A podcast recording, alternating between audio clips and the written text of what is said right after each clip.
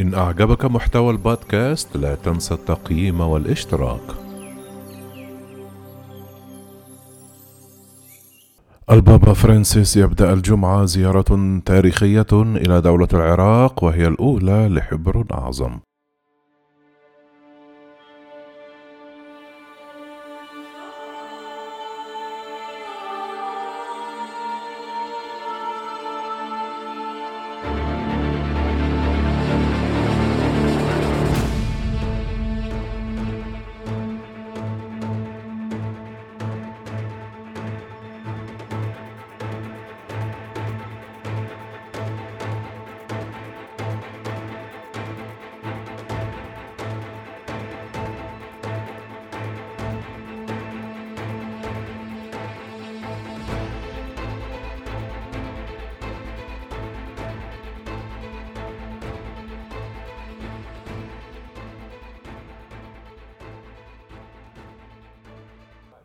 ستكون زيارة البابا فرانسيس إلى النجف ذات مغزى كبير.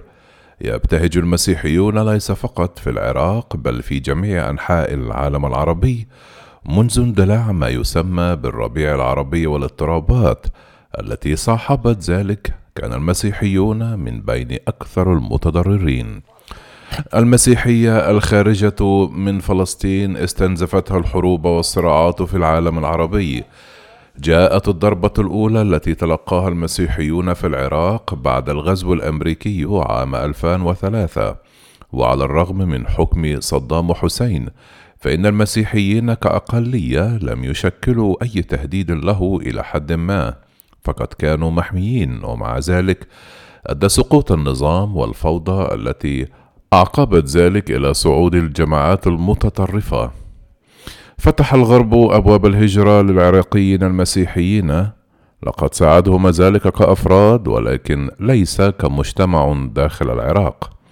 بدأ عدد السكان المسيحيين في التقلص وتكررت هذه القصة مع صعود تنظيم داعش بعد انسحاب القوات الأمريكية وبدء الصراع السوري.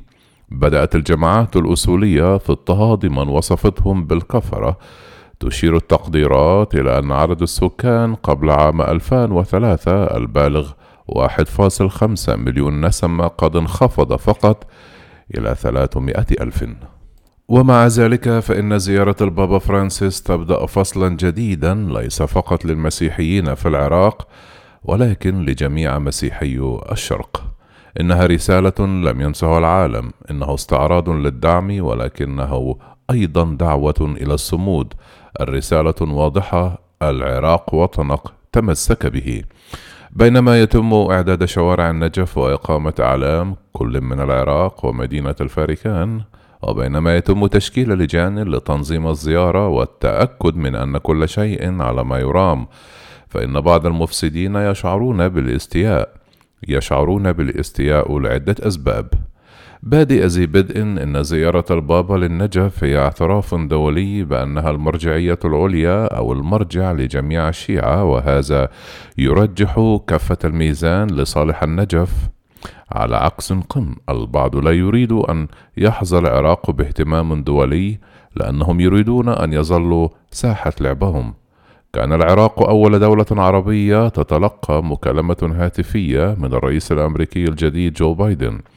والبعض ببساطة لا يريد أن يرى رسالة التماسك الاجتماعي لآية الله العظمى علي السيستاني تنتشر حتى أن معارضي زيارة البابا ذهبوا إلى حد نشر شائعات بأن السيستاني مصاب بكوفيد 19 ومع ذلك لا يبدو أن مثل هذه الأعمال التافهة والمخادعة قد ردعت الزائر أو المضيف. يظهر لقاء البابا الوشيك مع السيستاني دعمه لفلسفة الأخير وطريقته. يمثل السيستاني التعايش مع الآخر وقبوله واحترامه. إنها خطوة واحدة قبل التسامح.